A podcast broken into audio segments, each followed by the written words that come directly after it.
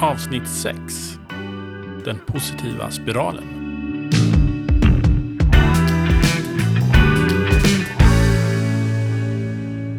Mm, det här är det fjärde våningsplanet. Och poängen här är ju att verkligen anstränga sig för att se saker från den positiva sidan. Att se till att man så ofta som möjligt är i den här positiva spiralen. Eller framför allt, ta dig ifrån det negativa om du upptäcker att du är där. Ja, där kan man ju hjälpas åt. Mm. Märker man att partnern är på väg i en negativ spiral på ett snyggt sätt att uh, försöka hjälpa och vända tillbaka spiralen uppåt genom att själv komma med en positivt sinne. Mm. Och det är nästan som man skulle behöva ha ett safe word. Nu ser jag att du är på väg in i den negativa spiralen. Vad finns det då som kan avdramatisera det där negativa du tänker kring? Liksom? Det är också lättare att, att hålla det positiva perspektivet när, när man har en stark vänskapsrelation. Mm. Som är en, en viktig del av alla relationer också. Men det, det underlättar eh, att hålla det positiva perspektivet. Så att göra saker som gör att vi känner oss mer som ett team. Som Mm. bästisar. Bästisar som ger bra tips och, och förslag och hur man eh, tar sig framåt och, och hittar tillbaka till positiva synpunkter. Mm. Mm. Hur gör man då om man är stressad och eh, inte riktigt mår bra? Då kanske man lätt hamnar i en negativ spiral. Ja, och då är väl det en signal också då när man är som vän där att okej, nu, nu är den här personen stressad. Nu är min partner stressad, nu behöver jag hjälpa hen att ta sig härifrån. Så då bara, okej, men berätta, vad är det som stressar dig? Jag är här för dig. Och att ha ett, ett sånt samtal då, då som gör att ja, jag får eh, gnälla av mig om chefen eller vad tusan det nu kan vara och liksom höra att du är med mig på min sida. Bara det kan väl göra att jag slappnar av och, och kan släppa taget om den här negativa. Vad tror du om det? Ja, det tror jag kan vara bra. Hur, eh, hur tror du att man hanterar en stressad situation om man tittar på den från en positiv bild? Jag tänker att man måste först ta sig ur den där stressen som är kanske mitt nu, så att sen kan jag titta på den utifrån. Och då tror jag att jag har större förhandlingskraft eller möjlighet att se, se det från ett nytt perspektiv.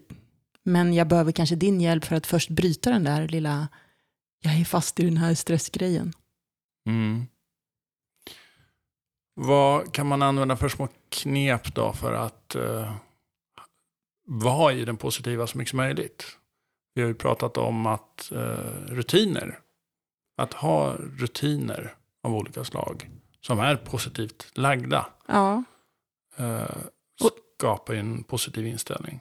Ja, och just en sån här liksom att, att ta bort stress efter eh, när vi har varit isär, någon har varit på jobb eller uppdrag eller någonting sånt. Att, att eh, se till att skapa teamet genom att liksom visa att jag är på din sida i ett sånt samtal. De finns ju som en rutin. Det kanske låter jätteflummigt, men det är ett samtal som bara, bara, bara behöver ta fem minuter. Alltså jag får prata av mig om min dag, min upplevelse och du lyssnar och är stöttande. Och så byter vi roller.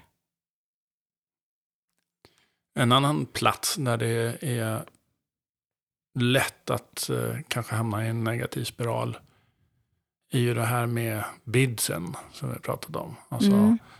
Att svara an på inbjudningar. svara an på inbjudningar. Om man tycker att man går, går runt hemma och, och skickar ut signaler hela tiden att man eh, vill ha hjälp av partnern och partnern dissar en eller struntar i en eller är busy med något annat.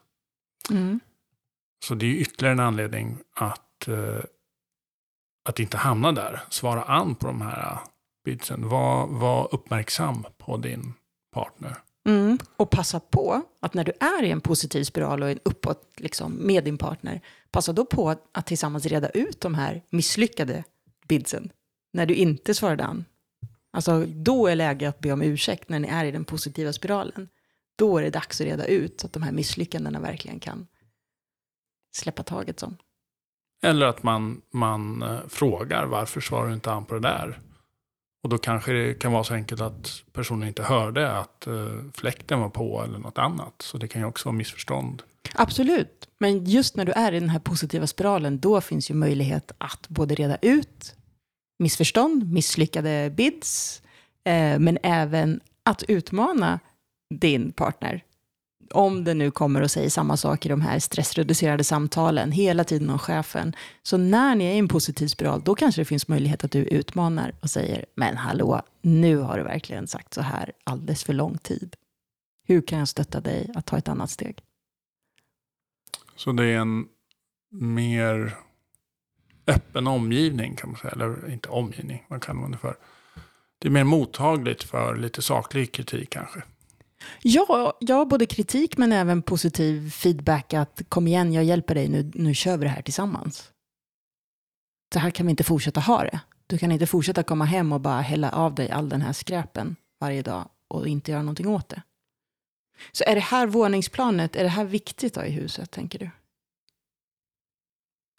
Det underlättar många andra delar. Så har man en positiv attityd Ja, så svarar man an lättare. Man, eh, man kan eh, bearbeta konflikter på ett lättare sätt. Det är Det- flera grejer som faller på plats. det är lättare att vara vänner. Lättare att vara vänner. Ja. Är vi bra på det här då? Vart en lång tystnad där. Jo, men eh, vi är bra vänner och eh, ofta löser vi det bra. Men vi kan absolut hamna i, i destruktiva eh, situationer också där vi kanske båda är negativa. Det är Ja. svårt ja. att ta sig ur när båda är lite sura. Det jag tycker att vi är bra på är, när vi är i en positiv spiral, då är vi bra på att stötta och utmana varandra och pusha varandra mer. Så där tar vi liksom vara på möjligheten att dra iväg. Tillsammans. Spännande. Mhm. Ja, vad säger du? Våningsplan fyra. Se saker från den positiva sidan. Får mycket annat att falla på plats också. Ja. Be happy. Be happy.